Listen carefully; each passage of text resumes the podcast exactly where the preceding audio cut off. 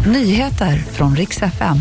Det ska handla om tekniska problem som ställde till det på Arlanda idag och om nya bud för de flesta av oss slipper ta fler sprutor mot covid.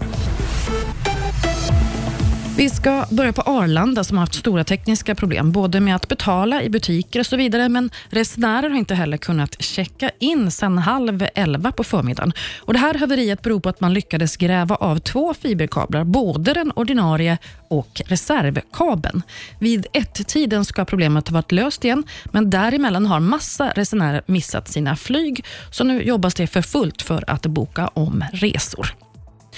I Grekland där har räddningsarbetet pågått hela natten och dagen efter den stora olyckan där ett persontåg och ett godståg frontalkrockade i centrala Grekland. Och det här var alltså natten till idag. Fyra första vagnarna spårade ur och två av vagnarna totalförstördes när de började brinna. Minst 36 personer omkom och över 100 personer är skadade, men sökandet på plats fortsätter efter personer som kan vara instängda i tåget. Och nu kommer nya restriktioner för covid-vaccinet. Och det nya budet är att från och med idag så ska friska personer som är 18 till 49 år inte behöva några fler sprutor. Den som är 50 och uppåt ska fortfarande fylla på med en dos till vaccin. Men vi andra vi ser ut som att vi är färdiga nu. I alla fall tills vidare, tills vi hör något nytt.